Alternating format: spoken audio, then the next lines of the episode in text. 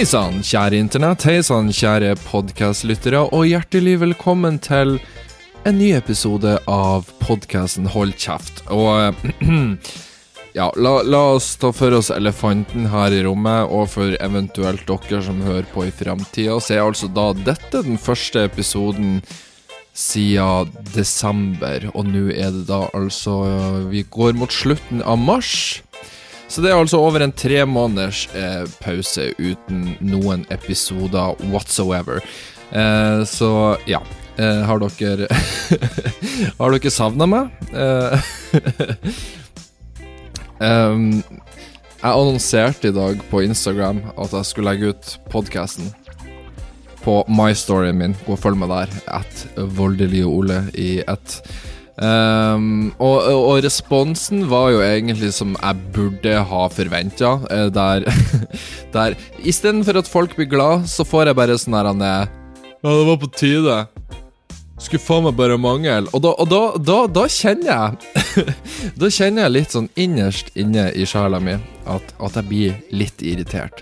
Og egentlig så har jeg ikke noen grunn til det, for at dere har vært minst like irritert sjøl. For at oh my god, Ole, hvorfor klarer du ikke å legge ut en fuckings podkast? Hvor jævlig vanskelig er det? Men, eh, men eh, innimellom så er det faktisk veldig vanskelig. Og eh, Men ikke sant når, når, jeg, kan, jeg, kan, skjønne det hvis folk skriver liksom at eh, Oi, shit, Ole, jeg savna podkasten din. Når har du tenkt å få den tilbake? Ja, og, og, og sånne, så, sånne kommentarer framfor Få tilbake podkasten, jævla fag. Hvor faen er podkasten? For da høres du bare ut som en liten drittunge som bare uh, jeg skal ha vilja mi, og, og, jeg betaler ikke en dritt for det. Og så er det sånn Fuck deg, din idiot. Du, du får høre på gratis. Hold kjeften din og hør. Men er det ikke så mye å høre på når jeg ikke, når jeg ikke har lagt ut på tre måneder. Så jeg fant, fant ut i dag at eh, nå tror jeg det er på tide å, å starte i gang eh, podkasten igjen. F eh, og som dere sikkert kan tenke dere fram til, så har det skjedd mye disse tre månedene. Eh, veldig mye faktisk. Uh, så ja. Det, igjen, jeg føler for å poengtere, som sagt, det er tre måneder siden, siden jeg la ut en episode sist. Fordi at For de som eventuelt hører dette i framtida, så blir jeg å tenke at wow, det skjedde mye på ei uke mellom disse to episodene som jeg hører på nå, hvis noen hører på forrige episode og denne. Men, men uh, det har vært et større mellomrom her. Uh, så ja. mye har skjedd på tre måneder. Uh, måtte jeg tenke La jeg kanskje ut i januar også? Jeg tror faen meg la ut i januar Nei, det gjorde jeg faen ikke. Det var, nei, det var i desember. Stemmer det. Uansett. Mye har skjedd, gutta. Uh, den største nyheten av de alle er vel kanskje det at jeg har flytta. Det vil da si at jeg bor ikke på Tonsenhagen lenger. Jeg bor ikke på den skjetne jævla Skjetne jævla østkanten lenger. Nå bor jeg Vet du hva, nå har jeg faktisk flytta til et av de finere strøkene du finner i Oslo. Uh, nå bor jeg på Frogner. Um, altså i Oslo, ikke i Akershus eller hvor faen er jeg? I Buskerud, er det kanskje der Frogner ligger? Ja, det er to Frogner, ja. men jeg bor pretty much i sentrum. Uh, og her er det sånn at her hører jeg trikken går forbi sånn hvert, uh, hvert, kvarter, minst. Og uh, for min del så gjør det meg ingenting. For det er litt sånn For min del, jeg syns bare det er behagelig, for da, da, hører jeg at ok, det eksisterer en verden utenfor her. Det er ikke bare meg som, som er alene her i verden. og for min, jeg har, jeg har en tendens til å føle meg fort ensom, så da er det fint at trikken går forbi innimellom. Så jeg tror ikke dere blir hørt i podkasten, for det bråker ikke så mye. Jeg skal ikke overdrive det. Men uh, hvis dere hører noe rumling i bakgrunnen, så er det trikken. Men som sagt, jeg tror ikke det skal være et problem. Uh, nå er det da seint på kvelden jeg spiller inn dette, og klokka nærmer seg elleve. Og på grunn av dette så kan ikke jeg drive på og rope og styre sånn som jeg aldri gjorde i de forrige podkastene. Men uh, for grunnen for det er at jeg har flytta inn i et kollektiv. Og det er noe med det, når, når en mann på 27 år innser at 'oi, shit, jeg skal flytte inn i et kollektiv'. Ja, mm, Hadde jeg bodd på Føsken nå, så hadde det vært forventa at jeg skulle ha kjøpt Vært på mitt tredje huskjøp nå, hatt get-avtale, hatt kjerring og to unger og hadde miserabelt. Eh, Istedenfor så har jeg ingen av de delene og er fortsatt miserabel. Nei, jeg er ikke miserabel. Jeg, jeg har det faktisk eh, Akkurat nå så har jeg det veldig fint. Eh, veldig trivelig kollektiv. Det, det, bor faktisk fem andre her, men eh, de, de, er på min alder, og alle så vidt jeg har skjønt er norsk. Nei, hun ene er en tysk student, faktisk. Eh, men for at hun bare har bodd i Norge to år, så kan hun Altså, hun skjønner hva jeg sier på nordnorsk, og det, det, altså, det skal faen meg godt gjøres. Eh, så kudos til henne. Um, og egentlig så var liksom kollektiv for meg var alltid uaktuelt. Jeg ville finne meg en egen hybel eller en egen leilighet når jeg drev på og var på leilighetsjakt. Uh, men uh, så fikk jeg melding på hybel.no av disse folkene som bodde i dette kollektivet, bare Hei, vi, vi, har sett annonsen din, vi syns du er interessant, kan ikke du komme og, og ta en titt der hos oss? Uh, kom og se hos oss. Og så tenkte jeg ja ja, ok, why not? Jeg skal på mange visninger. Jeg kan like så godt stikke innom Frogner og sjekke hva greia der er. Uh, for vanlig, altså så, så for min del har jeg alltid forbundet et kollektiv med sånne små rom på rundt sånn ja, hva du snakker ti kvadrat, liksom. Og noe større enn det, så må du faen meg betale heroin og prostituerte for i det hele tatt få innpass. så, eh, så jeg gikk ned, så jeg får nå til Frogner. Jeg tok med meg Kristine, frisørvenninna mi. Uh, hun har kanskje blitt litt mer enn det nå, uh, på disse tre månedene. Som sagt, mye har skjedd. Uh, ja, vi, vi, er på G, uh, litt sånn. Vi har det, vi har det trivelig i lag. Jeg skal, jeg skal, si sånn som mamma pleier å si når hun har funnet seg en mannekjæreste. Da sier hun alltid at nei, nei, nei, vi er ikke kjærester, vi har det bare hyggelig i lag, og, og that's it. så, så, ja, vi, vi, lar det være med det. Men vi dro iallfall hit, da. Um, for hun var med meg da og ville se. Og var sjåføren min, som også er et pluss for min del, som ikke har bil lenger. Men Så uh, vi får på visning her, og uh, da innså jeg at shit i helvete, det rommet her som jeg eventuelt skal flytte inn i, er jo på 30 kvadrat. Og det er jo sånn det er fem meter under taket Nei, det er ikke fem meter, men det er Hvis jeg skal tipse, det er i hvert fall tre og en halv meter. Kanskje fire meter. Ja, det er kanskje såpass som fire meter under taket her. Ja, tre og en halv tror jeg vi går for. Uh, og det er sånn her, altså det, det Bygninga her er fra 1800-tallet, så det er sånn rosetter i taket. ikke sant, sånn Steinformasjon, eller hva faen du kaller det. Så det ser skikkelig classy ut, med store vinduer. Det er sånn skikkelig typisk Oslo-leilighet. Egentlig så skulle jeg røyka weed der inne, så hadde den vært spot on, liksom. Nå er ikke jeg så veldig glad i weed, så det blir lite av det. Men uh, ja, et rom på 30 kvadrat i den rikeste delen av Oslo. Eller er den den rikeste delen? Kanskje det er oppe i Holmenkollen, jeg tenker meg om. Eh, en ut av de rikeste plassene, ikke sant. Her må du jo faen meg Du må jo være arving for å bo her, omtrent. Men eh, ja, dette rommet som jeg bor i, betaler da rundt 6,5 for i måneden.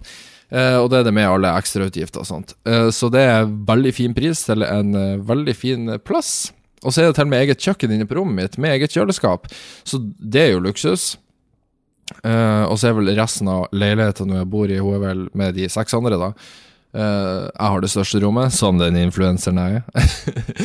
Men uh, ja, resten av uh, leiligheta her er vel på rundt Det må nå faen meg være oppi 150-200 kvadrat. Det er faen så svært her. Det ser ut som en sånn gammel prestebolig. Føler meg jo som en konge her jeg bor. og så er det oppe i fjerde etasje. Uh, og så har jeg en balkong utenfor rommet mitt, uh, og under meg, altså ute, utenfor vinduet, så er det bare ei gate med masse, noen restauranter. Og det beste av alt Å, herregud, nå går det fort her, men jeg vil bare få ut alt her. Det beste av alt, det er en bar i første etasjen i dette bygget. Og jeg vært og drukket øl der en kveld, noe som var amazing. Da dro jeg sammen med Viktor fra FlippKlipp og Ola, altså da Mino Nord. Eh, vi satt der og drakk øl. Eh, øla var god og billig, og det beste av alt når jeg satt der nede, så satt jeg ennå kobla til mitt eget nettverk her hjemme på telefonen. Noe som er fantastisk. Og det er sånn Ok, klokka er uh, tre, uh, uteplassen stenger. Hva shit, da må jeg ta taxi hjem? Jeg må ta den jævla 31-bussen hjem. Nei, det må jeg ikke. Fuck den. Jeg bare går en meter, og så går jeg bare inn trappa, og så jeg, går jeg bare opp fire etasjer, og så er jeg hjemme. Så det er fantastisk. Um, så ja.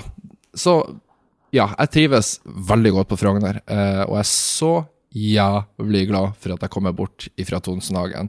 For er det noe jeg har sverga til nå, så er det at jeg skal aldri tilbake til Tonsenhagen. Eh, og hvorfor det, lurer du på? Jo, det skal jeg fortelle dere. Bare, bare vent litt, jeg må på do. Kjenner til Helvete, jeg har spist taco, og nå når jeg bor alene, så blir det mye mer taco til meg, og det sier magen min ifra om nå at ei, Ole, du har spist for mye taco, du må på do. Så straks tilbake.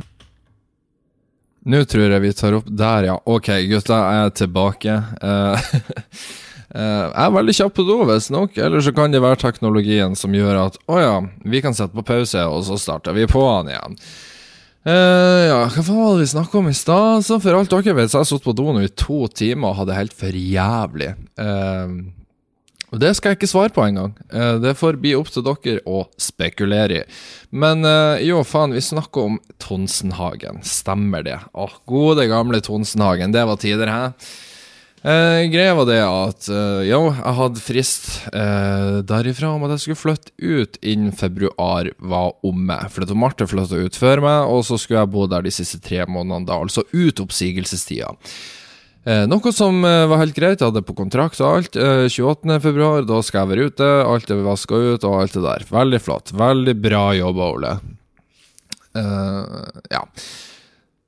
Greia var det at uh, Marte tok med seg hund, noe som vi ble enige om, og så skulle jeg ha katta i hvert fall inntil videre. Og hvis jeg ikke fant meg en plass der jeg ikke kan ha katt, noe som jeg ikke har, uh, så skulle hun også ta katta. Men jeg hadde katta da de siste tre månedene. Uh, og greia var det at dette er ei utekatt, så jeg slipper katta ut innimellom, noe som man som regel gjør. Dette var jo da huseieren klar over når, eh, når, både jeg og Marte flytta til Oslo i fjor, i januar.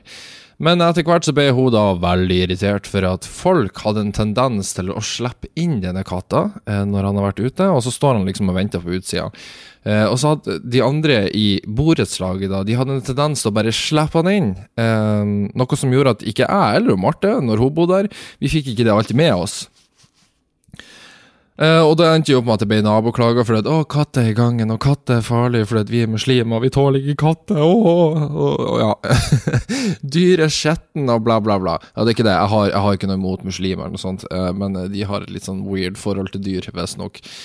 Uh, så, så, huseieren da var ikke så fornøyd med det, da. Eh, noe som var forståelig, men eh, så jeg begynte heller å skjerpe meg da med at ok, når jeg slipper ut katta, så skal jeg sjekke minst hver jævla halvtime om den katta vil inn, sånn at ikke han bare får rundt og vandre i gangen inn i borettslaget. da. noe som jeg gjorde.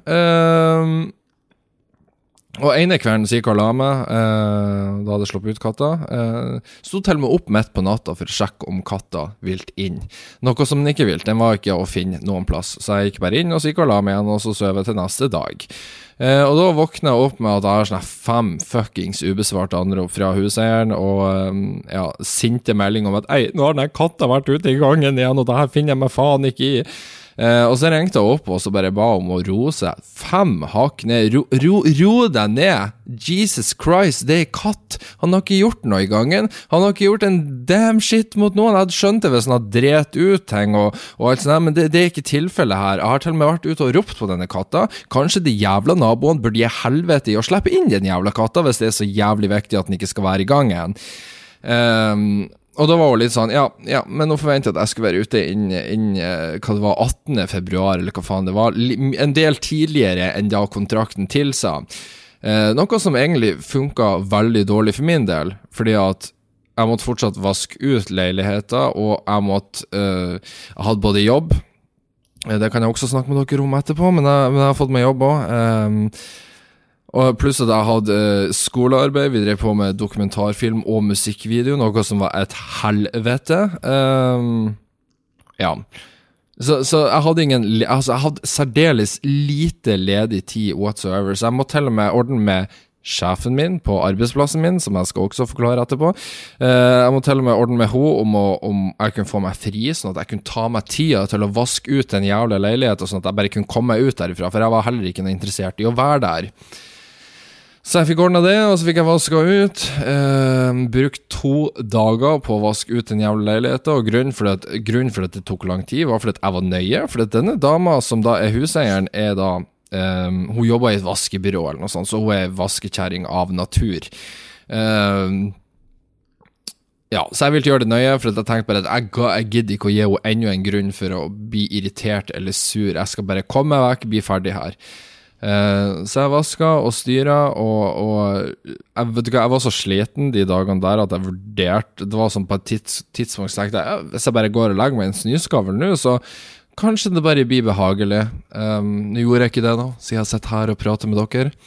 Um, men jeg vaska ut, og så blir jeg og hun enige om at ok, vi møtes på fredag for overlevering av nøkler, og hun skal se over leiligheta. og det gjorde vi, da. Uh, og da kommer hun inn, og så ser vi gjennom, og så får hun parkeringskortet for borettslaget, bla, bla, bla. Uh, og hun sa liksom at ja, ok, ja, nei, kanskje gulv, gulvet på badet ikke så bra nok ut. Og da sa jeg liksom at ok, men vet du hva, da kommer jeg i kveld etter jobb, og så gjør jeg det. Uh, for jeg var veldig vennlig innstilt mot at ok, jeg gidder ikke å ha noen klager. Hvis det er noe du ikke er fornøyd med, så fikser jeg det. Eh, og da sa jo hun da at nei, nei, det, det, det går fint, du trenger å bli ferdig nå med, med flytting og alt sånt der. Jeg bare, er du sikker? Jeg kan ta det, det er ikke noe stress. I, I fix, I fix. Hun bare nei, nei, det, det går bra. Eh, og da godtok hun da nøklene. Eh, eh, så da tenkte jeg at å, halleluja, nå er jeg ferdig med den dritten. Nå kan jeg bare slappe av på Frogner istedenfor å bry meg om den jævla leiligheten oppe på Tonsenhagen. Eh, ja. Eh, Det verste av alt var at jeg sa til, eh, til en kompis min i klassen bare sånn Jeg sverger til faen på at hun blir sikkert å sende meg melding ei uke i ettertid der hun skal true med vaskebyrå, der jeg må betale regninga fordi hun har funnet noe ikke hun er fornøyd med. Og hadde jeg faen ikke rett på det i det. Å, satan òg hva rett jeg hadde. Eh, For uka etter så driver vi på og filmer dokumentarfilm på Noroff. Vi er ja, en helt annen plass. Jeg vet da faen hvor vi var. Um, og da får jeg en, en del meldinger fra denne da huseieren. Eh, og nå skal jeg lese opp til dere hva, hva hun skriver. Eh, Dette er altså da skrevet fredag 1. mars, så skriver hun følgende. Jeg er svært lite tilfreds med at gardinfestet på soverommet er ødelagt. Dette visste jeg ikke for øvrig, eh, for jeg ser det ut som jeg bruker gardinfeste på soverommet. Det her er fra når jeg og Marte bodde i lag. I, I don't Jeg vet ikke. Uh, endestykket til gardinstangen er borte. Jeg har brukt timer på å forsøke fjerne en stor flekk på det lille soverommet. Eh, og da lurer jeg på hvordan i helvete slags flekk hun snakker om, for det var jo ikke noe flekk der. Uh, for jeg tok bilder av hele leiligheten da jeg var ferdig å vaske. Så det var, det var good, liksom. Så skriver hun videre. Det er ikke vasket inn i garderobeskap. Jo, det er det. Jeg vaska inn i garderobeskapene. Det var null støv der. Tru meg, jeg sjekka. Så skriver hun videre. Det er helt enkelt ikke rent. Hadde jeg visst dette, ville jeg engasjert et firma. Foreslår at du setter inn 1500 kroner for vask og tepperens. Da slipper du svært billig unna. Og så har hun signert da med navnet sitt. Eh, jeg ble jo veldig stressa når jeg fikk de meldingene, for jeg tenkte at oi, helvete, her setter vi i gang, vet du. Her, her, her er vi i gang. Eh, og så sendte hun et tellebilde av sluken på dusjen. Eh, og den kan jeg stå inne for, den hadde jeg ikke tatt. Uh, og da skriver hun Hva synes du? Der i dusjluket, hvis du skulle lure. Uh, men på dette tidspunktet så var jeg allerede så irritert på henne for måten hun hadde snakka til meg på de siste ukene, og, og jeg har på en måte aldri vært ufin mot henne, eller på noen slags vis Jeg aldri vært treg med å betale f.eks. alle regningene. alt av sånn husleie og sånt har jeg alltid vært flere uker i forveien på, til og med når det er snakk om forfall på sånne ting. Ja. Så jeg, ble så sur til slutt. For I starten så tenkte jeg å skrive at ok, sorry, sorry, å, jeg skal fikse bla, bla. Jeg tenkte jeg skulle bare legge meg flat, men så ble jeg så irritert at for første gang i livet mitt så bestemte jeg meg for at nei, vet du hva, fuck it. Nå, nå, nå, nå har jeg fått så jævlig nok. Nå skal jeg være så jævlig vanskelig tilbake. Og det ligger djupt inne i meg å være det. For altså, jo, en ting er YouTube, ikke sant, hvis jeg lager YouTube-video eller snakker her i podkasten. Det er én ting å sitte og være tøff i kjeften når du sitter alene fremfor kamera eller eh, framfor en mikrofon. Men i realiteten så er jeg et særdeles konfliktsky menneske. Jeg tar sjelden en sånn kamp. Um, men, men i dette tilfellet så tenkte jeg at vet du hva, nå kan du reise til helvete. Nå, nå er Ja, ok. Så jeg skrev ei lang melding tilbake, og den skal jeg lese opp for dere her og nå. Og da skrev jeg hei, og så navnet hennes. Og så skriver vi videre. I og med at du bestemte deg for at du ville ha meg ut av leiligheten før kontrakten var ferdig, som kan ses på som et kontraktbrudd, men jeg lot det gå, så ga du meg et mye mindre tidsrom for å vaske leiligheten ut. Ettersom jeg både har jobb, skole eh, og jobb nummer to, som fyller hverdagene mine, måtte jeg ta meg fri fra jobb for å vaske ut. I tillegg gikk vi begge to gjennom leiligheten, hvor jeg på ingen måte ga uttrykk for at jeg hadde det travelt. Du verbalt godkjente leiligheten og tok imot nøklene, til tross for at jeg sa til deg at jeg kunne komme tilbake samme kveld for å ta badegulvet. Å komme nå over en uke senere er jeg i tvil om er innenfor rimelig tid. Jeg aner ikke hva som er gjort i leiligheten etter at jeg dro, men jeg tok bilder når jeg var ferdigvasket. Ettersom vaskingen ble forskyvet betraktelig i forhold til hva jeg og kontrakten hadde forutsett, ga det derfor langt kortere tid. Jeg ville være fleksibel overfor deg. I tillegg eh, ba de meg flytte ut før kontrakttiden, noe som gir meg tilbake en viss prosent av leia. Februar har 28 dager, og jeg var ute syv dager før tiden etter ditt ønske. Dette gir, meg, dette gir mer eller mindre 25 av leia for den måneden tilbake til meg, som utgjør en sum av 3375 kroner av 13500. For å være helt Nei, For å være helt ærlig blåser jeg i de pengene, så om du vil leie inn et vaskebyrå for den summen, så har du min godkjennelse på det. Setter heller ikke pris på måten du har snakket til meg de siste ukene. Du behandler meg som jeg skulle vært en uh, fiende mot deg, no noe som ikke er tilfellet. Dette har jeg fått nok av nå, vi er voksne mennesker, tross alt. Ha en fin helg videre. Å, gud. Og den her sendte jeg da seint eh, på kvelden tilbake, når jeg var ferdig å filme den eh, fredagen. Og dere kan tru jeg hadde angst til helvete når jeg sendte den meldinga. Jeg tenkte bare shit i helvete, nå blir å sende uh, advokater og alt slags jævelskap på meg. Det her blir jeg faen ikke kvitt. Uh, men jeg var samtidig forberedt på at vet du hva, jeg skal ta den kampen lett, altså, for det her finner jeg meg faen ikke i. Uh, Så, så, jeg gikk jo rundt og var livredd for hva hun skulle svare, og, og, og, og hun svarte jo aldri. jeg, jeg, tror når hun fikk den meldinga hos meg, så tenkte hun bare OK, å fy vet, vet, du hva, det her gidder jeg ikke. Vet du hva, han der Nei, det her gidder jeg ikke. Men samtidig, jeg mener jo at jeg har rett på alle de punktene jeg skrev til henne, bortsett fra at jeg ønsker henne i fin helg. Det gjorde jeg egentlig ikke. Jeg, for min del skulle hun ha brent i helvete, men, men uh, jeg, jeg, skrev det som at en fremtidig advokat kanskje skulle lese disse meldingene, og da tenkte jeg at vet du hva, jeg skal ha alt mitt på det rene. Men eh, nå er det vel da Ja, det er jo faen meg tre uker siden nå. Jeg har ennå ikke fått et jævla svar og så. Så jeg går ut ifra at hun tenkte at vet du hva, det, ok, det har ikke vært det. jeg tar resten av pengene hans, som hun egentlig skylder meg, men jeg gidder ikke å ta den kampen. Uh, og så får det bare bli. Uh, og takk Gud og lov for det. Jeg er så glad jeg er ferdig der. Og det er sånn, Jeg, jeg vet ikke, jeg har sverga på at jeg skal ikke bevege meg innenfor området av Tonsenhagen, bare fordi det er så Det, det stedet der vekker bare onde minner hos meg nå. Det er sånn Nei. Fuck that shit. Her på Frogner så er en 7-Eleven på hjørnet, og like rundt hjørnet der igjen så er en Coop Mega og en Kiwi, som i tillegg er søndagsåpent. Uh, for ikke å snakke om baren som er under etasjen her. Så, så her, er det, her, er det, flott. Trikken er rett utfor, bussen er rett utfor. Uh, ja, jeg elsker å bo her, trives veldig godt med det. Uh, så, så, sånn sett så er det godt at jeg endelig kan slappe litt av i systemet mitt. Oh. Oi, oi, oi, vent, vet du hva, jeg skal hente meg øl. Og jeg gidder ikke å sette på pause nå, for jeg har begynt å bruke et nytt program. Jeg bruker ikke Cubase lenger når jeg tar opp. Eh, jeg bruker Adobe Edition. Og jeg er ikke helt vant til det programmet ennå, så jeg tør ikke å stoppe det. Så bare, bare vent litt. Grann. To sek.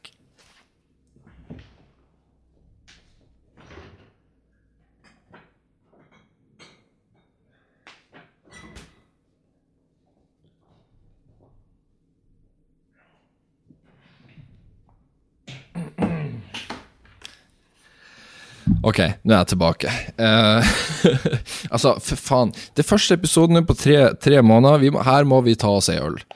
Det er veldig trist, egentlig, når jeg nå innser at jeg bare er så sitter alene framfor mikrofonen og drikker øl og skåler med meg sjøl fordi at jeg sjøl klarer å legge ut en fuckings podkast, og nå klarer faen ikke å åpne en jævla øl engang. Kan jeg være litt mann, please? To sek. Oh my god, er jeg retarda? Det går ikke. Der. Der gikk den opp. Takk, Gud. Skål, gutta. La oss, la oss ta en øl. Eh, ikke gjør det hvis du kjører bil nå. Det, det er ikke etisk forsvarlig. Eh, nei, ikke gjør det. Ah, det var godt. Uh, Nå Nå er vi i gang, gutta. Eh, ja. Uh, jeg tenkte kanskje jeg kunne prate litt om uh, hvorfor jeg også har vært litt sånn Jeg vet ikke. Jeg tror mange hadde inntrykk av at jeg har vært litt sånn lite aktiv på sosiale medier. Både av YouTube, Instagram, Snap og, og ikke minst denne podkasten. Uh, og det er litt sånn um, Og det her jeg, jeg, kom, jeg, vet ikke om jeg kom så mye i dybden på dette når, når jeg hadde podkasten i fjor, men uh, ikke sant, for da hadde nettopp jeg og Marte gått ifra hverandre. Og det er litt sånn Der og da så gikk det Det var liksom Det var, det var trist og jævlig. Um, Rett og slett pga. meg og hun. Men det som kom i ettertid, var liksom mye verre enn det jeg trodde det skulle bli. Fordi at, ikke fordi at ikke jeg og hun på en måte Vi var enige om at sånn var tingene, og det, og det liksom, det har vi fått fred med, og det var ikke noe der. Eh, problemet var derimot det at eh, Jeg skal ta og si noe nå som er veldig kvalmt av meg å si. Uh, fordi at Egentlig så ser jeg ikke på meg sjøl som det, men jeg innser at jeg begynner mer og mer å bli det. Uh, og det må jeg kanskje lære meg å godta, sjøl om at det høres jævlig uh, ekkelt Det er så ekkelt å si det, men ja, jeg er en offentlig person. Uh, på veldig mange måter. Og det her er en posisjon jeg har satt meg sjøl, og det her er noe jeg til en viss grad har ønska sjøl. Altså, det er jo ikke gøy å drive på med YouTube hvis ingen ser videoene, men til, til på en måte konsekvensen av det er jo det at uh, da blir jeg offentlig, og da, da, begynner folk plutselig å bry seg veldig mye om hva jeg gjør og hva jeg ikke gjør med livet mitt. Og det er liksom, det, det, må jeg godta. Jeg kan ikke jeg kan ikke på en måte be om å få masse oppmerksomhet og så være veldig selektiv på hva folk bryr seg om, for det er ikke sånn det funker. Og det skjønner jeg veldig godt. Det er ikke det jeg har et issue med. Um, eller jo, jeg har et issue med det, men jeg skjønner at jeg kan ikke klage på det. Uh, sånn rasjonelt sett så kan jeg ikke Jeg kan ikke si noe på det. Men, men derimot så er det litt dette med Og nå skal vi snakke om jodel igjen. Å ja, jodel. Og selveste YouTuber-gossip. Uh, fordi at det kom til et punkt Jeg vet ikke om jeg snakket om det i forrige podkast, men uh, det kom til et punkt der jeg bare bestemte meg for å uh, avinstallere hele appen. For det, ble litt sånn når, når, folk på en måte skrev uh, inne på den appen at 'Å, jeg er så glad Marte kom seg unna den dritten der', eller folk skrev at 'Å, så glad Ole kom seg unna den kvalen der', eller uansett hva folk skrev, det var liksom når man, når man går gjennom et sånn samlivsbrudd og alt sånt her, så er ting så jævlig sårbart. Det er sånn også, og, og når da i tilfelle Når da folk på internett fremmede folk som ikke du aner hvem er, driver på og skriver sånne ting som bare på en måte Det, det river litt i sjela di når du ser folk skrive det. Så fant jeg ut at vet du hva, nå bare avinstallerer jeg. vil ikke se hva som står der inne. Og til dags dato har jeg ennå ikke installert appen igjen, og jeg vet at enkelte har hevda inne på Jodel at å, jeg Ole, uh, dette er meg som skriver dette. Nei, det, det, det tro meg. Vet du hva, jeg går heller Jeg, vet ikke faen, jeg tar heller en, en piercing gjennom penis foran å gå inn på den appen igjen der for å se hva folk skriver om meg. Um, og det mener jeg så fra bunnen av mitt hjerte. Fordi at som sagt, det å gå gjennom et samlivsbrudd som offentlig person er tror jeg det er verste jeg har vært gjennom ever. For det, den drittsnakkinga som har vært på internett, inne spesielt på Jodel her, har vært helt horribel. Fordi at Jeg får det jo med meg, fordi at folk vil jo fortelle til meg at 'Øy, Ole, jeg hørte på Joda', bla, bla, bla. Og så er det sånn Det er kjempefrustrerende for min del, fordi at hvis jeg skal begynne å sette meg ned plutselig begynne å svare på disse røktene som går, så må jeg begynne å svare på alle røktene, og så tenker jeg samtidig at vet du hva? Jeg er ikke svarskyldig til noen. Det er ingen som blir å tro meg uansett hvis jeg sier at nei, det stemmer ikke, ok, det stemmer, nei, det stemmer ikke. og samtidig så mener jeg at, at Sjøl hvor offentlig jeg måtte være, så har jeg rett på et personvern, til en viss grad i hvert fall. Uh, men samtidig så kan jeg ikke gjøre noe med det heller. Jeg kan ikke, jeg kan ikke be folk om å slutte å skrive meg på Jodel, for jeg, jeg vet internett hvordan det funker. Folk blir å skrive mer om meg hvis jeg ber folk om å skrive mindre om meg. Så, så det funka ikke uh, i det hele tatt. men jeg vet bare at det har gått veldig mye røkter. Uh, eller veldig mye, jeg vet det har gått veldig spesifikke røkter. Uh, og jeg har til dags dato bestemt meg for at jeg vil ikke svare på noen av de, rett og slett fordi at mange av de er bare Altså, mange av de Nei, vet du hva, jeg skal ikke gå inn på det engang, men trust me. Uh, Jodel kjenner meg særdeles lite, uh, for å si det mildt. Men, men ja. S og vanligvis så vil jeg ikke ha brydd meg. Jeg bryr meg generelt sett særdeles lite om hva folk skriver om meg på internett, enten om det er i YouTube-kommentarfeltet, eller om jeg ser noe på Facebook, eller hvis jeg googler meg sjøl for den saks skyld. Men, men, når det kommer til f.eks. dette med meg og Marte, og, og, og, eventuelle ting jeg har gjort i ettertid, så er det sånn, jeg er ikke interessert i å, å på en måte få det brettet ut på internett. For det er mitt privatliv. Det, folk kan gi faen i det. Og jeg vet at enkelte der ute har jo på en måte Hvordan skal jeg si det? Uh, ja, jeg gikk på en smell etter julebordet på United Screen, så enkelte har jo da fått det for seg at ok, vi skal seksuelt trakassere dritten ut av Nordli i ettertid på grunn av det. Uh, og det har jo da også spredd seg på Jodel, bla, bla, bla. Um, som sagt, jeg blir ikke å gå inn på noen spesifikke greier her, men men Jodel skal virkelig ha meg til å være en kjempeondskapsfull person, noe som jeg Jeg kan ta mye kritikk, jeg kan ta mye Jeg er veldig flink på sjølhat på alle mulige måter, tru meg, men uh, wow, jeg tror aldri i hele mitt liv at jeg har sett på meg sjøl som en ondskapsfull person eller vært ute etter å gjøre ondskapsfulle ting. Uh, og Derfor så gjør det veldig vondt da når jeg får høre folk har lest sånne ting om meg, uh, og som sagt så kan jeg ikke gjøre noe med det. Og her om dagen så var det en i klassen min til og med som kom til meg liksom at nå går det nye rykter om deg på Jodel, Ole, har du lest det her? Og da ble, jeg, da ble jeg kjempeirritert. Så sa jeg vet du hva, fuck off med Jodel, jeg er ikke interessert i å vite hva som står der inne. Hadde jeg villet vite hva som sto der inne, så hadde jeg vel for faen meg installert den jævla appen sjøl og lest hva som sto der inne. Uh, og igjen, hvis du gikk ut ifra at jeg hadde lest hva som sto der inne, hvorfor i helvete forteller du det til meg? Tror du ikke jeg har fått det med meg sjøl, da, i så fall?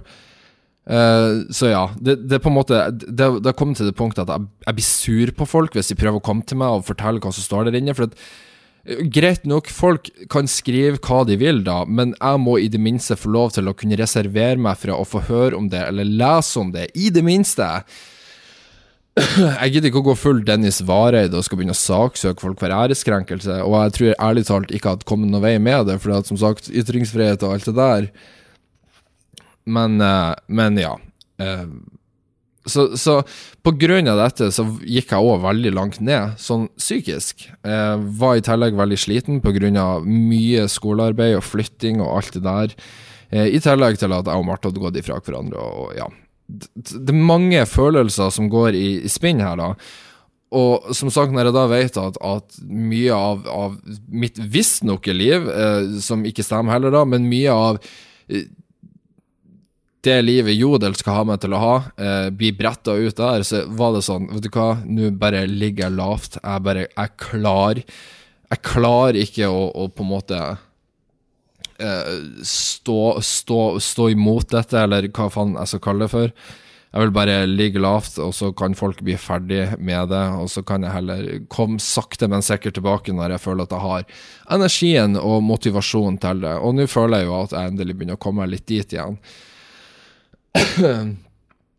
Men ja, jeg følte bare jeg måtte, jeg måtte snakke litt om det, fordi at Samme òg det med at, at uh, snak, Mye snakk om menn og følelser og sånn piss. Og, og, ja, mange menn er dårlige på å være in touch med sine følelser og snakke om sine følelser, og, og jeg kan til en viss grad være det sjøl. Jeg kan være veldig innesperra der. Uh, vil ikke fremstå svak, vil ikke bla, bla, bla. Uh, og jeg vil liksom ikke jeg vil ikke se ut som han der som syter hele tida, noe som Hele YouTube-kanalen min er jo det, jeg skjønner det, uh, men med et visst glimt i øyet, da. Men uh, ja, de, de, siste månedene i livet mitt har vært uh, helt for jævlig, egentlig. Det har vært Ja, det har bare vært jævlig tungt. så jeg, bare jeg måtte bare stått gjennom det, bare stått han av. Um, ja, har til og med opplevd pga. mye ryktepiss eh, og mye folk som tror at de, de vet mine intensjoner om alt, så har jeg til og med opplevd at eh, ene dama til en YouTuber i dette communityet endte opp med å fike til meg på en fest, og så å si fikk meg bua ut fra en fest. På grunn av noe jeg visstnok hadde gjort, um, og mine baktanker bak dette. Noe som ikke stemte heller. Og den natta, uh, i en alder av 27 år gammel, så dro jeg hjem den natta gråtende fordi jeg var så ifra meg. Fordi at uh, folk var dritt, rett og slett. Og jeg skulle egentlig ønske at jeg kunne ha sagt nøyaktig hva dette innebærte, men som sagt så er jeg ikke interessert jeg vil ikke bli tvunget til å måtte fortelle disse tingene bare fordi jeg skal kunne forklare meg sjøl, men det er nesten der jeg er. Um, men jeg blir ikke å gjøre det, fordi at uh, det innebærer andre personer. Og jeg tenker at vet du hva, dere respekterer kanskje ikke andre sitt personvern. Dere må for all del, så lenge ikke ting går deres vei, så kan dere begynne å slenge dritt mot meg. For all del, gjør det. Men, men jeg, res, jeg, skal respektere andre sitt personvern. Jeg gidder ikke. Jeg er bare ferdig. Men jeg prøver igjen bare å understreke at at det har vært uh, tungt. Um, og som sagt, jeg føler, jeg føler, jeg må snakke med dere om det, fordi at uh, jeg føler ikke jeg kunne sagt noe som helst, egentlig. Jeg føler ikke at jeg har fått en stemme i det hele tatt, oppi noe som helst. Uh, og kanskje enkelte av dere tenker nå at wow, er ikke du veldig dramatisk nå, Ole? Og jo, det kan godt hende, for de fleste av dere har sikkert ikke fått med dere en dritt uh, av ting som har foregått, og det tenker at bra, du er en del av majoriteten, men, men, for min del, som på en måte bare har som på en måte lever med meg sjøl hver dag, så, så, har det vært og sirkulert i hodet mitt konstant, og på en måte bare gravd meg ned så jævlig. Oi, oi, oi. Så jeg følte bare jeg måtte få det ut der. Men det er sånn det, det, er nesten så jeg går rundt og venter på å bli exposa på YouTube. Uh, ja, det har vært litt sånn Vet du hva, det har vært mye angst involvert òg, jeg vet da faen. Men uh, jeg vet ikke, moralen i denne historien her, gutta, uh, er at ikke gå gjennom et samlivsbrudd som offentlig person, for det er noe dritt, tro meg, det er helt jævlig. Det var mye bedre før jeg begynte med YouTube. Da var det bare sånn, Hvis det blir slutt mellom meg og ei dame, så var det sånn Ok, det er slutt. Ingen bryr seg. Ingen bryr seg. Ikke noen i det hele tatt.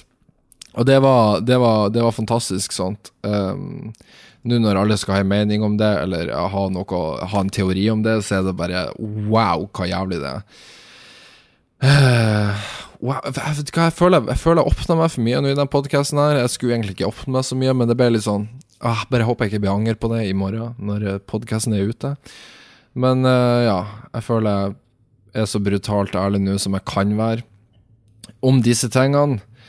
Men uh, ja, det, det er over nå. Takk Gud og lov. Vi kan, vi kan derimot gå over til en, en, annen ting som er veldig positivt. Eh, og det er det at jeg har fått meg jobb. Og jeg har ikke fått meg jobb i det plassen jeg var på jobbintervju hos for mange måneder siden. Jeg, fikk, jeg hørte aldri noe ifra de. Eh, så det var jo litt kjipt. Men eh, ja. Jeg var i en posisjon der jeg fant ut at vet du hva, fuck it, jeg må ha jobb nå. Ellers er, så er jeg fucked.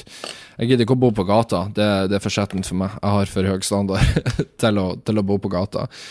Så uh, ja. Da var jeg så heldig at uh, min da tidligere samboer Marte hun sa at vet du hva, jeg har jo ledig jobb i, i butikken jeg er sjef for uh, som da er Sportshuset Outlet. Da en sportsbutikk som selger sportsvarer og tekstil og klær og sko til en særdeles billig penge. Uh, Sjappa har vært sjef i siden vi flyttet til Oslo. Eh, så sa jeg vet du hva, begynn å jobbe hos meg, da. Det er ikke noe stress. Eh, jeg fiksa deg vakter, jeg vet hvordan det er med skolen din og sånt, så vi ordna vakten rundt det og, og alt sånt der. Så, så takka jeg ja, da.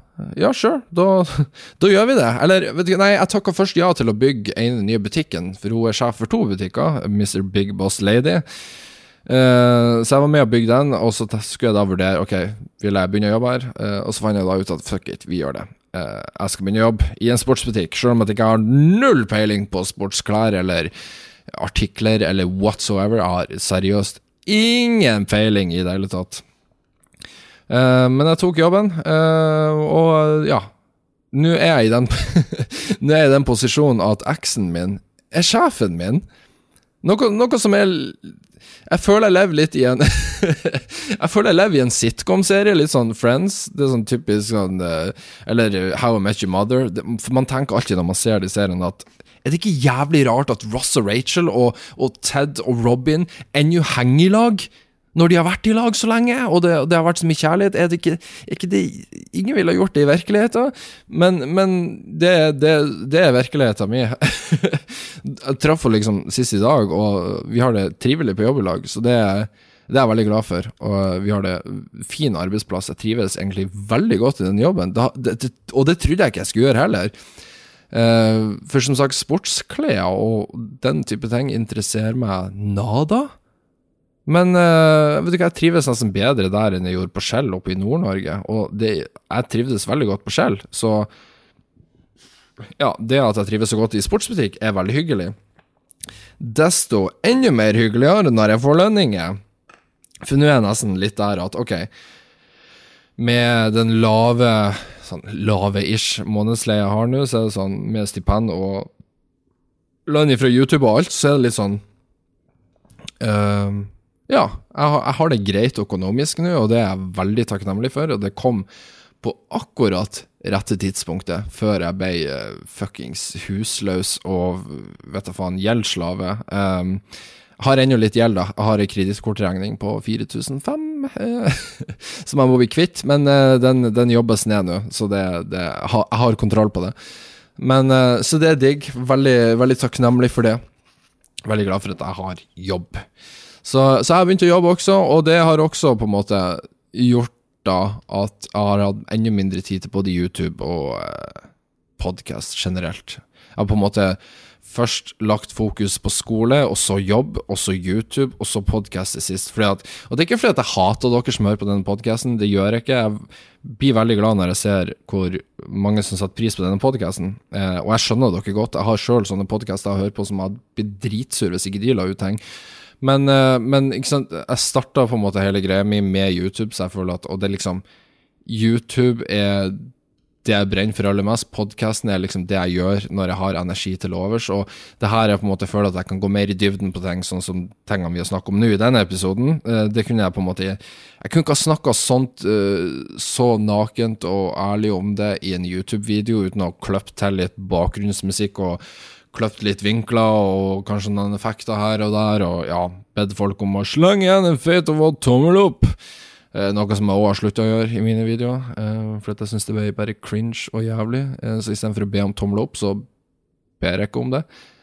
Eller jo, jeg gjør det kanskje litt ennå, hvis, hvis, det er liksom spesifikt sånn Ok, hvis dere vil se mer av dette, så trenger jeg en tommel opp bare for å se om det er noen interesse for det. Men sånn overall så har jeg slutta med det. Jeg, jeg avslutter bare videoene mine med en svart skjerm, that's it, og så sier jeg ha det.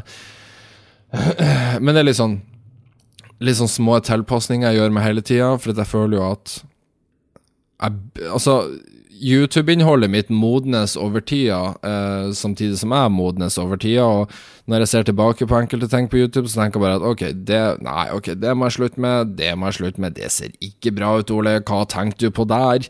Hvorfor laga du denne videoen i det store og det hele, osv., osv.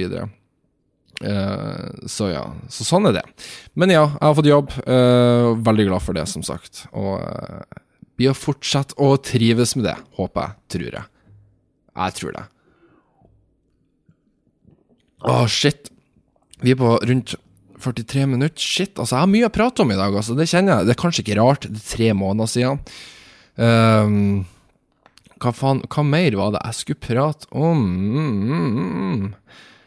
Uh, jo Eller nei, hva faen var det? Jo, jeg skulle snakke om uh, Jo, skole, for faen. Vi, vi, går, vi har gått inn nå. Nå. Har jeg snart fullført mitt første skoleår på Norhoff.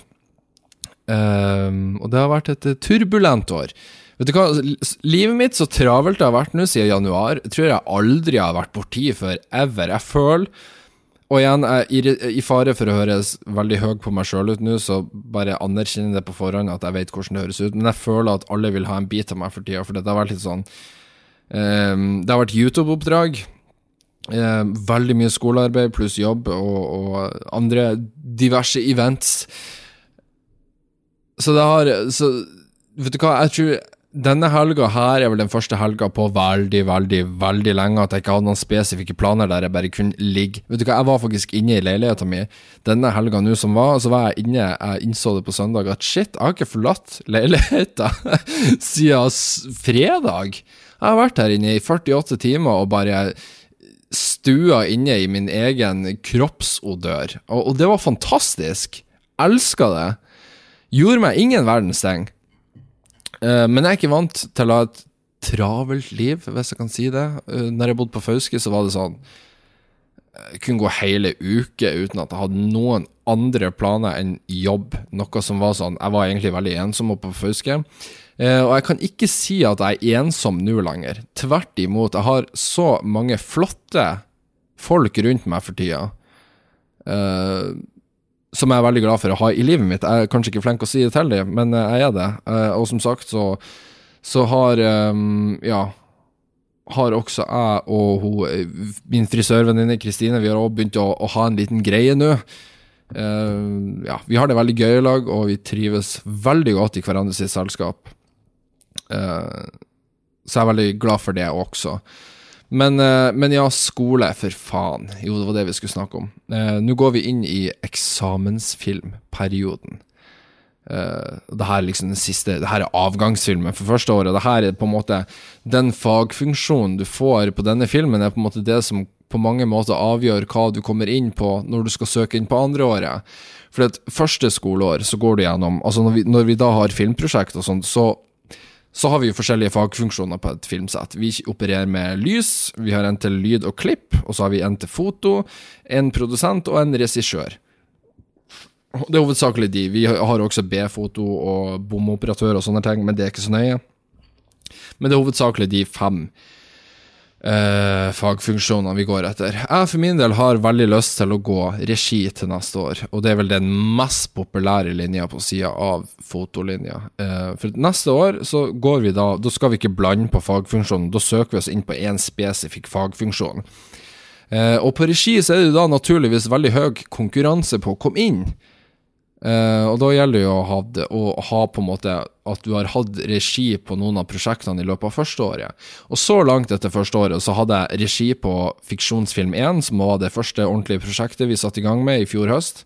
Uh, der jeg fikk regissere filmen Heisen. Uh, og da må du da på en måte pitche ideen din foran hele klassen. Eh, og så velger da eh, foreleserne ut eh, ca. syv av de pitchene ut av rundt 40, som, som, på en måte får lagfilm og får være eh, regissør, da. Eh, så ja, jeg var regi på første, og så de to andre prosjektene, som da var musikkvideo og dokumentar, så har jeg vært klipper og, og lyd. Um, Rett og slett for jeg hadde ikke noen sånn kjempefantastiske ideer til hva jeg ville lage, verken i musikkvideo eller dokumentar. Eh, I hvert fall ikke ideer som jeg følte var bra nok, så jeg valgte rett og slett å ikke pitche eh, på disse fagfunksjonene, Nei, på disse prosjektene.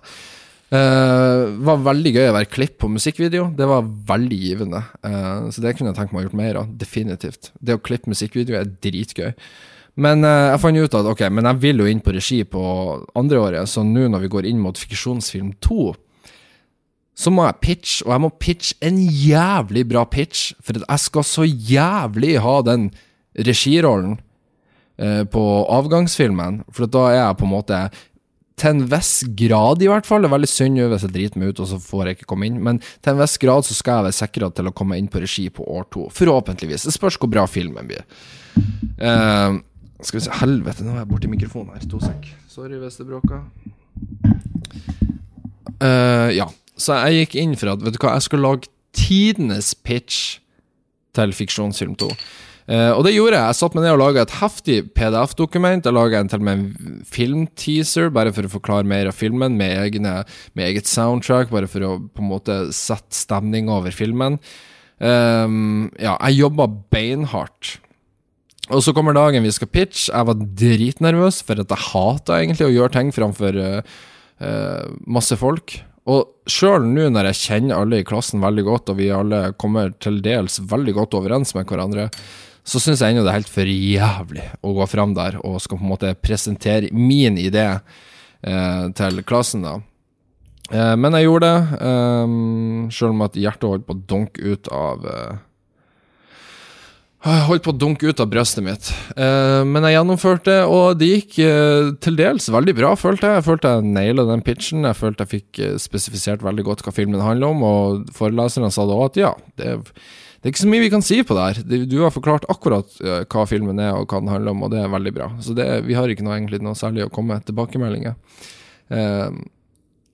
Så, så endte jeg da opp med at yes, jeg fikk være regi på Fiksjonsfilm 2.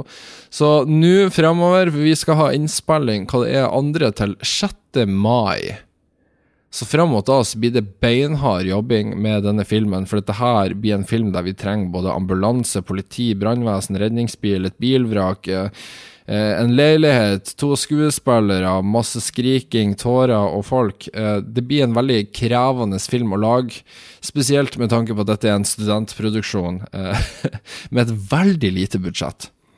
Så jeg, jeg, vurderer å sette opp en spleis der, ikke noe som egentlig blir å pushe på mine følgere, for jeg tenker at mine følgere skal ikke ha noe med mitt skolearbeid og sånt. Det, det, på en måte, jeg skal ikke legge det på dere. Uh, men for all del, hvis dere er interessert i det, så kan jeg annonsere det når den spleisen kommer ut. Uh, men ja, har, jeg har fått ei veldig fin gruppe av folk som jeg sjøl har plukka ut, blant annet svensken, som ingen liker. uh, han er min foto, fotograf, så jeg, jeg, tror det her blir veldig bra. Jeg, jeg, ser veldig frem til det. Og jeg gruer meg som faen òg, for jeg husker hvor mye angst jeg hadde under fiksjonsfilm igjen, når jeg måtte være regissør. For jeg følte at alt lå på meg. og jeg vet ikke om jeg jobber så bra under press, egentlig, men uh, det er vel noe jeg kanskje bare må bli bedre på. Jeg blir veldig i det. Jeg blir sånn uh, jeg, jeg, bare blir generelt dårlig humør. Jeg blir, jeg blir kort å ha med å gjøre, liksom. Det skal lite til for at jeg snapper på folk. Jeg blir der Jeg blir som en diva, rett og slett, og, og det er ikke Det er ikke særlig Det er ikke, det er ikke et veldig sjarmerende strekk eh, hos et menneske generelt sett.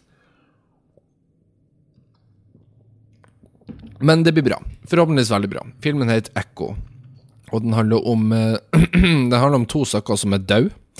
Uh, det blir en veldig mørk film. Det handler om hvordan, man, uh, hvordan kanskje man som menneske hadde Hvis du ser på en måte alle reaksjonene i ettertid etter at du dør, hvordan, altså, det, hvordan hadde disse to menneskene som er døde, hvordan hadde de reagert hvis de kunne sett alle reaksjonene i ettertid? Og det er på en måte det filmen skal utforske. Eh, så jeg, jeg, tror det kan bli veldig bra. Det avhenger veldig, bra om, avhenger veldig om vi finner gode skuespillere, og, alt på en måte blir som det blir.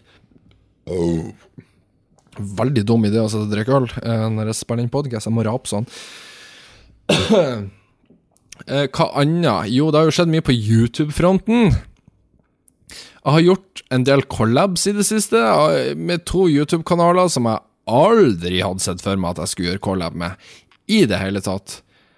Uh, den første collaben jeg gjorde, var med NRK FlippKlipp, med da Viktor, uh, eller Weird Norwegian, som kanskje enkelte av dere kjenner han som. Um, der de skulle lage en 100 000 K-spesial. Uh, 100 K, mente jeg der. Um, veldig bra, Ole. Uh, de skulle feire at de har nådd 100 000 abonnenter. Uh, og da skulle du lage en helvete stor video. Um, og da ble, jeg, da ble jeg spurt om jeg, om jeg, kunne stille opp i en cameo der, eh, og det sa jeg jo ja til, for det, det, det var betalt. og, og, men jeg syns òg det er gøy å gjøre sånne ting, eh, så jeg gjorde det. Eh, og da, da, på en måte kom jeg i god kontakt med Viktor, for jeg ble med han, altså han programlederen i FlippKlipp. Jeg var med de ut på lønningspils den kvelden da, når jeg skulle spille inn dag to, for da hadde jeg en egen scene. Uh, og det endte jo opp med at vi ble dritings, hele gjengen. jeg vet ikke om jeg kan si det om han Viktor, at han drikker Jo da, folk vet han drikker alkohol, ingen bryr seg. Men uh, ja, vi fant tonen. Veldig Vi hadde veldig artig i lag, satt og spilte Switch hele kvelden og ja, for på fest. Eh, så i ettertid så har jeg på en måte blitt spurt om jeg kunne gjøre flere ting i lag med FlippKlipp. Og ingen hadde vel gjetta det for rundt et og et halvt år siden, når jeg gikk ut og angrep FlippKlipp på kanalen min. Men uh, det er mye som forandrer seg, visstnok. Uh, og, og jeg får betalt, noe som er digg. Jeg trenger penger. Men så fikk jeg tilbud om å være med i en video som da het 'Viktor sier ja til alt i løpet av en dag'. Eller nei, det var ikke sånn det begynte heller. Nei, jeg var med i en annen video på FlippKlipp først, uh, der jeg og Viktor skulle spille et Switch-spill som het uh, Arms. Så det er rett og slett en gamingvideo som jeg skulle være med i. Uh, og jeg tenkte jo litt sånn mm, Jeg vet da faen hvor godt det her blir å treffe blant FlippKlipp sine serier, for det er jo på mange måter barne-TV. La oss være ærlige der. Det er jo, det jo laga for barn. Uh, og jeg er jo på ingen måte barnevennlig eller Eller har, har på en måte aldri vært interessert i å assosiere meg eh, til å altså på en måte gain Å få masse barneseere inn på min kanal. Det har aldri vært mitt mål. Men eh, Så det er jo litt den risken jeg tok da med å være med. Men eh, tilbakemeldingene var gode. Seertallet var vel kanskje ikke all verdens å rope hurra for. Det var jo ikke en veldig interessant video heller. Uh, Nå når jeg ser her Ja, se der. En video med Herman Dahl har fått mindre visning enn meg og han, så det, så det er bra. Men uh, så ble jeg da spurt om at ei, kan du være med når Viktor må si ja til alt i løpet av en dag, så skal på en måte du være den ondskapsfulle fyren som på en måte ber han om å gjøre alle disse tingene. Og det sa jeg jo selvfølgelig ja til, fordi jeg fikk betalt også, så det er veldig digg. Ikke bare fordi jeg får betalt, ikke, la, ikke misforstå meg der. Det er ikke kun derfor. Eh, jeg ville nok ha sagt ja uansett om, eh, om, jeg ikke fikk betalt. Men det er veldig digg at jeg får betalt. Eh, og ja. Så, så, jeg er med på den innspillinga der, en tolvtimersdag. Eh, for dere, jeg vet ikke om dere har sett videoen, den er på FlippKlipp sin kanal. Må si ja til alt med voldelig Ole. Den videoen gjorde fett det bra. Sånn helt insane bra. Den har nå, etter ei uke, 140 000 visninger. Eh, og den kom på førsteplass på trendinglista her i Norge på YouTube. Den slo til med den nye Game of Thrones-traileren, noe som er helt sinnssykt. Eh, så folk var da visstnok Syns videoen var gøy. Eh, mange syns at jeg og Viktor òg funka veldig godt i lag, noe som jeg syns er veldig gøy, for jeg føler ikke at vi funka godt i lag. Ikke, ikke, fordi at det er noe gærent med han eller, eller, meg, for den saks skyld, men jeg føler han blir veldig energisk, og jeg blir da veldig avslappa. Så jeg føler at det krasjer litt der. Men jeg tror kanskje det er det folk setter pris på, at vi på en måte balanserer hverandre godt med at han kan være den som tar det litt opp, og så er han på en måte som holder litt nede. Uh, for alt jeg vet. Jeg vet egentlig ikke. Jeg bare spekulerer. Uh, og da på en måte ble vi enige om i den videoen at hvis den fikk over 4000 tomler opp, som er ganske mange tomler opp, uh, så skulle vi lage en oppfølger der jeg må si ja til alt i løpet av én dag. Uh, ja. Og de var litt sånn Vi tenkte først 5000 tomler opp, og de var litt sånn Nei, nei, nei, det blir vi aldri å få. Ikke i helvete. Uh, så vi gikk ned til 4000 tomler opp, og da går det kanskje. Uh, og for å si det sånn, videoen fikk over 4000 likes på én dag. Og per dags dato nå så har denne videoen 7600 tomler opp. Så eh, ja, det, det gikk veldig bra. så eh, jeg skal være med en gang i framtida og eh, takke ja til alt. Og hvis dere aner hvor mye jeg gruer meg til den dagen Fordi at han Viktor måtte gjøre ganske jævlige ting den dagen når vi spiller inn. Og jeg tenker at oh my god, de vil jo ta igjen på meg nå, så jævlig. Så jeg blir jo så jævlig om å, å, å gjennomgå.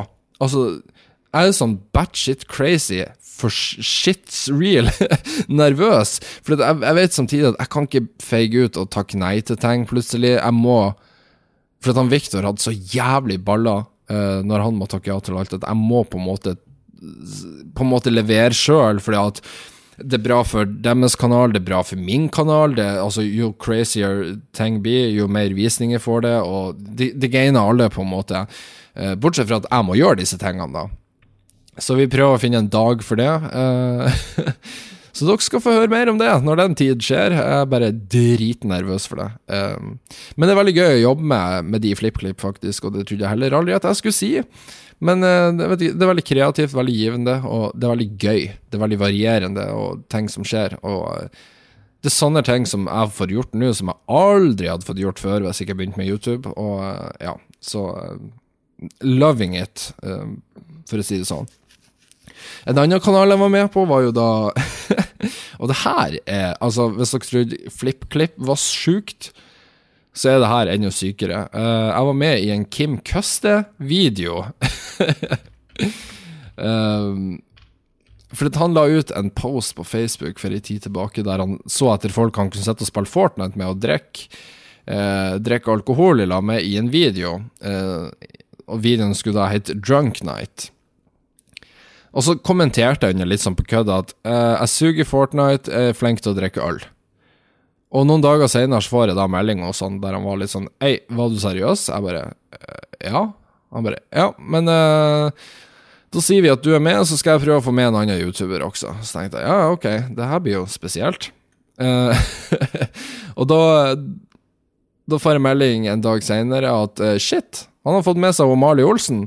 Så da skal altså jeg og Mali Olsen og han Kim Custer satte oss ned på hans kanal eh, og spille Fortnite og drikke alkohol og snakke om YouTube-sladder, eller ja, ting om YouTube-community generelt. Eh, som er en veldig Det var en veldig gøy innspilling. Jeg fikk gratis alkohol, klaga ikke på det. Uh, der jeg faktisk måtte møte opp på kontoret hos United Screens, som er noe av det skumleste jeg har gjort ever. Sist gang jeg var hos United Screens, var når jeg og Tappelino kjørte utfor der med Passaten og spilla Truls inn i hodet ditt på fullt volum. Uh, så ja, ting, ting har uh, skjedd siden den tid. Men det, men, det, var veldig trivelig. og det, var, det, ble en veldig bra video. Den ligger på Kim Køsse sin kanal. Den har vel nå Ja, så der er nesten 40 000 visninger. Se, ser dere, det lønner seg med meg i videoene sine. Ikke Amalie Olsen, drit i henne. Det var sikkert ikke hun som fikk inn alt publikummet der.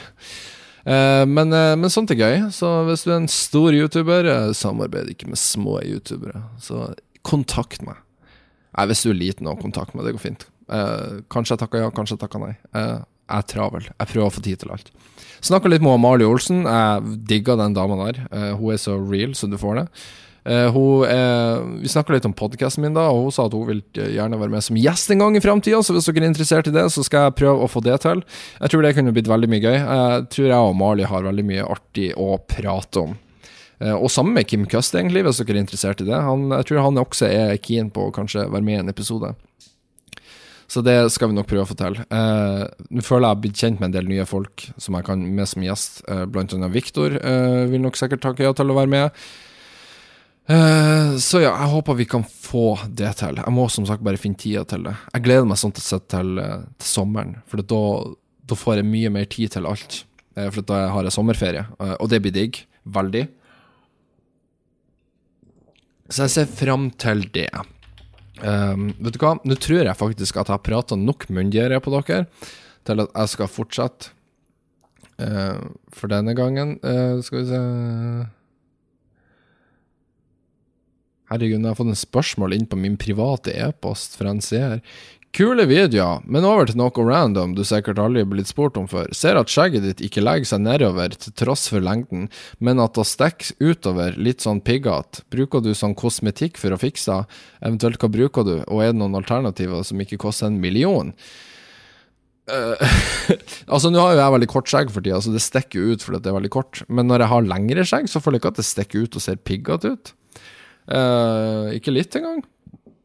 Men for de som lurer hva jeg gjør med skjegget mitt. Uh, jeg vurderer å lage en egen video på det, uh, kanskje jeg gjør det òg. Men det jeg gjør, jeg barberer barbere linja, som er da på kinnene og halsen. Bare for å holde clean. Jeg barberer det sånn cirka hver, minst hver tredje dag. Bare for å holde det cleant og fint. Uh, og så bruker jeg, når jeg har tatt hårvoks i håret Når jeg står opp om morgenen, så tar jeg da resten av hårvoksen som er igjen i hendene, og så gnir jeg den inn i skjegget, og så på en måte børster jeg skjegget nedover. Og det pretty much det jeg gjør. Jeg vasker aldri skjegget med sjampo eller balsam, jeg bare skjøller det i varmt vann. For at jeg vil ikke skade hårene, for de er ikke så mottagelige for sjampo og balsam som man skulle tro. Det blir veldig fort tørt og ekkelt. Eh, så da vet du det. Eh, hvis du hører på denne podkasten, Jakob, som har sendt meg e-post. Men det jeg tenkte vi skulle gjøre før vi selvfølgelig avslutter dagens episode, er jo selvfølgelig å sjekke innom Hold kjeft-podkast eh, e-postadressen min, fordi at uh, Der tror jeg det har kommet inn en del e-poster med tiden. Husker jeg passordet nå? Bekreft Herregud, må jeg bekrefte det er meg, for det er så lenge siden jeg har vært innom den? Skal vi se Ja. Sjekk telefonen din.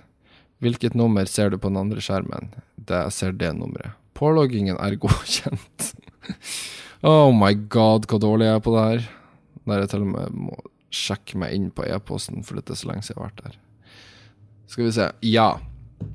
Oh, holy lord, her har vi mange e-poster Sånn, Sånn, jeg tror jeg skal ta meg litt tid til å gå gjennom det her nå. Hvis det er noe verdt å lese opp her. Jeg har ikke lest gjennom disse på forkant. Uh, jeg blir ikke å lese opp skryte-e-poster, for dere syns ikke det er interessant i det hele tatt. Uh, jeg har fått en e-post fra ei som heter Ida. Uh, denne e-posten er sendt 5. januar, så den er litt gammel. Men jeg tar den for det om. Hun skriver Hei, Ole. Kunne du noen gang datet en følger? Hilsen Ida på 20. Uh, hei, Ida. Om jeg kunne date en følger? Vet du hva, det har jeg uh, Jeg har på en måte ikke tatt noe særlig stilling til det spørsmålet. Instinktivt så tenker jeg bare nei, det kunne jeg ikke. Fordi at jeg føler maktbalansen der blir så feil at, at på en måte jeg vil ikke gå inn i noe der, der jeg blir kjent med en person, og personen jeg blir kjent med, føler at hun kjenner meg kjempegodt pga. at hun har sett meg på YouTube eller hørt meg på podkast. Uh, så i utgangspunktet, nei. Jeg vil ikke bruke den posisjonen jeg har klart å skaffe meg på å date følgerne mine. Og jeg skjønner at nei, nei, men det er jo ikke det du gjør, Ole, hvis du dater en følger. Nei, jeg skjønner det, men, men uh, jeg føler bare jeg vet, Det føles feil ut. Jeg klarer ikke å forklare hvorfor, men det, det, har, det, har, ikke vært en av mine Det har ikke vært en motivasjon hos meg, for å si det sånn. Men selvfølgelig, hadde jeg, hadde jeg truffet ei som hadde vært uh, helt amazing, og hadde falt for henne med første øyekast, så sikkert, ja. Men uh, også frem til at hun er gammel nok, ikke minst. men uh, Så jeg aldri sier aldri, for den saks skyld, men i utgangspunktet nei. Beklager. Hvorfor sier jeg beklager? Jeg tippa du ikke var ute etter en date. Eller kanskje du var det, men, men det er ikke noe som Ja, som ligger i som, som jeg tenker å gjøre, i hvert fall. Uh, skal vi se uh, Skal vi se, vi må gå gjennom her. Nå blir det litt død tid her. For jeg prøver å sjekke En mail fra en som heter Ole Martin. Han skriver Hvor mange ganger runker du hver uke? det var juicy. Takk for den. Mm. Oh my god, jeg har fått en mail fra en som heter Leo. Han skriver Hei, Ole, takk for svaret. Uh, hvem ville du hatt sex med ifra The FML-show?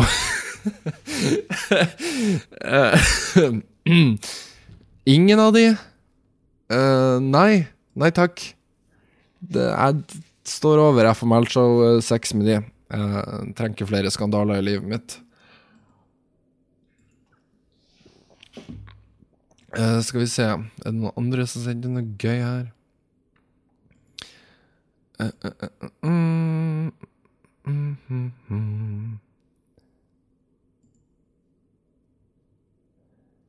uh, skal vi se Jeg prøver bare å finne noe bra. en venn har sendt deg en gratisbok fra Storytel. By the way, er det dere podkast-jævellyttere som driver på å melde meg inn i Regnskogfondet og, og nyhetsmagasinet til han Ben Shapiro? Fordi at jeg har plutselig fått masse mails fra både Nettavisen og sånne her ting som jeg aldri har meldt meg på. Så hvis det er dere, fuck off. er en som skriver En som heter Elias. Han skriver Jeg òg pisser som en forbanna idiot når jeg drikker. Det blir faen aldri tomt i den jævla urinposen jeg har inni meg. Er så jævlig fuckings frustrerende. Jeg shotter nesten bare vodka de gangene jeg drikker, så får heller ikke i meg store mengder væske. Ja, var, takk for infoen, Elias. Han refererer nok sikkert til at jeg må pisse som en idiot når jeg drikker alkohol. Men, eh, men, ja, det er bra at det ikke bare er meg. For alle tror at jeg har en kjønnssykdom pga. dette, så prøver jeg å si nei, det er ikke det. Jeg, det er bare sånn det alltid har vært. Jeg beklager. Se, nå har jeg fått mail fra Nasjonalforeningen òg. Hva er det her? Nyhetsbrev januar 2019. I den nye oppgaven sortere etter proteininnhold skal elevene rangere What is this? Smart på mat er Nasjonalforeningens for folkehelsens undervisningsprogram for mat- og helsefag i grunnskolen 5. til 7. trinn. Hallo, kids. Slutt, slutt, å, slutt å skrive inn e-posten min på, på, på, sånne ting. What the fuck, man? Uh, uh, uh, Oi, det er ei som har sendt meg en hel liste med k-pop-sanger som jeg burde sjekke ut. Holy shit, du har virkelig lagt i arbeid i denne mailen. Uh, og ja Jeg blir ikke satt med meg og sjekket det ut nå, jeg beklager, men takk for innsatsen. uh, så er det mange som spør hvor er podkasten, what? Ok. Her er det en mail. Jeg tror den er interessant. Han er den litt eldre mannen som skriver, så det setter jeg pris på. Han skriver Hei, Alex her. Kan du, ta, kan du ta med litt om hva du føler når en fyr f.eks. prøver seg i fylla? Hva ville du gjort, uansett kjønn? Eh, kan gjerne komme til å diskutere temaet med en dose humor bak. Tenker liksom alle diskusjoner, helt ærlig, men med humor, ettersom vi er bygd Vi er fra bygd, begge to. Koselig å kunne høre vårt syn på det. Uh, ja, takk for mail, Alex. Uh, hvis en fyr har prøvd seg på meg i fylla, vet da faen, jeg hadde sagt takk, men jeg er ikke ute etter pikk. Uh, og hvis ei jente hadde prøvd seg, så hadde jeg sagt takk, men uh, kinda har noe på gamet nå, nå, så det passer litt dårlig. Uh, men uh, takk for tilbudet, jeg setter pris på det. Men jeg vet ikke, jeg, vet, jeg, jeg ville aldri blitt sur hvis noen har prøvd seg på meg, uansett hvilket kjønn de er, eller og kanskje alder, hvis du er en 14-åring. Ikke prøv det på meg, please. Men, men, men, sånn generelt sett, jeg ville jo ikke ha blitt sur for det, eller uh, Nå hadde jo ikke det eneste du spurte om jeg ville blitt sur, men, uh, men, jeg føler liksom det jeg på en måte må forsvare med at jeg ville ikke ha blitt sur, for jeg føler mange blir det. Sånn 'Å, hvis en homo prøver seg på meg, så slår han rett ned'. Og tenker litt sånn Ok, men du er hjerneskada hvis du slår ned folk som prøver seg på deg. Hva er det som feiler deg? for altså, egentlig, det er jo bare hyggelig. Det er jo en bekreftelse på at ei, i got game somehow. Noen har lyst på, på, på mitt vesen. Tru det, den som kan. Du har issues i livet ditt hvis du følte at ok, han der vil vi gå for, men for all del. Så eh, Jeg vet da faen. Det er jo hyggelig uansett. Altså, alltid hyggelig å føle seg ettertraktet på noe slags vis. Så jeg hadde bare satt pris på det. Jeg syns det er hyggelig. Jeg får aldri nok bekreftelse i mitt liv. Tru meg! det det, det, ja, det blir jeg veldig glad for. Wow, det hørtes feil ut, men uh, jeg setter pris på det.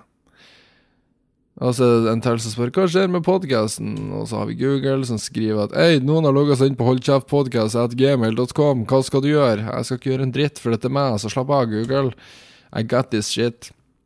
Uh, ja, men det her er de mailene Det her blir de mailene jeg leser opp. Uh, nå trenger e-posten min, altså innboksen her, han trenger litt påfyll fra dere nå. Det er tre måneder siden, for faen. Så gjerne skriv meg en mail, uansett om det er spørsmål eller noe dere vil si. Uh, uansett om det er kritikk, ris, ros eller noe du trenger råd mot eller for. Uh, jeg prøver å komme så gode råd som jeg kan, i hvert fall. Så ja, gjerne send en mail. Det sender du helt gratis til holdkjeftpodkast at gmail.com. Hvis ikke du vet hvordan det skrives fordi du har dysleksi og ikke kan skrive. så burde du kanskje ikke sende meg mailen tenker meg om, for da, da klarer jeg sikkert ikke å lese opp mailen din, men du kan prøve likevel. Du kan sende den til ja, den e-postadressen står i beskrivelsen. Eh, hvis du vil være anonym, så kan du selvfølgelig det også. Jeg blir bare veldig glad hvis du har lyst til å sende inn e-post uansett. Så do it! Det koster deg ikke mye. Uh, du har sikkert ikke noe bedre å gjøre uansett, fordi du er like udugelig som meg. Uh, bare at du har ikke følgere, så fuck deg. nei da. Jo da. Nei da. Uh, uansett, uh, dette blir det jeg hadde å komme i dag. Uh, Nå tror jeg og håper at vi, vi, er tilbake. Jeg tror ikke jeg gidder en til storm med Instagram-meldinger og e-poster om Hei, hvor er podkasten, Ole? Så jeg satser på at vi er tilbake innen neste torsdag. Ja. Nei, torsdag. Tirsdag, for helvete. Eh, så takk for meg. Takk for, eh, takk for følget denne gang. Kos deg videre med hva enn du gjør, og ta på deg buksa for guds skyld før du går ut. Eh, så, så går det her veldig fint. Ha det bra.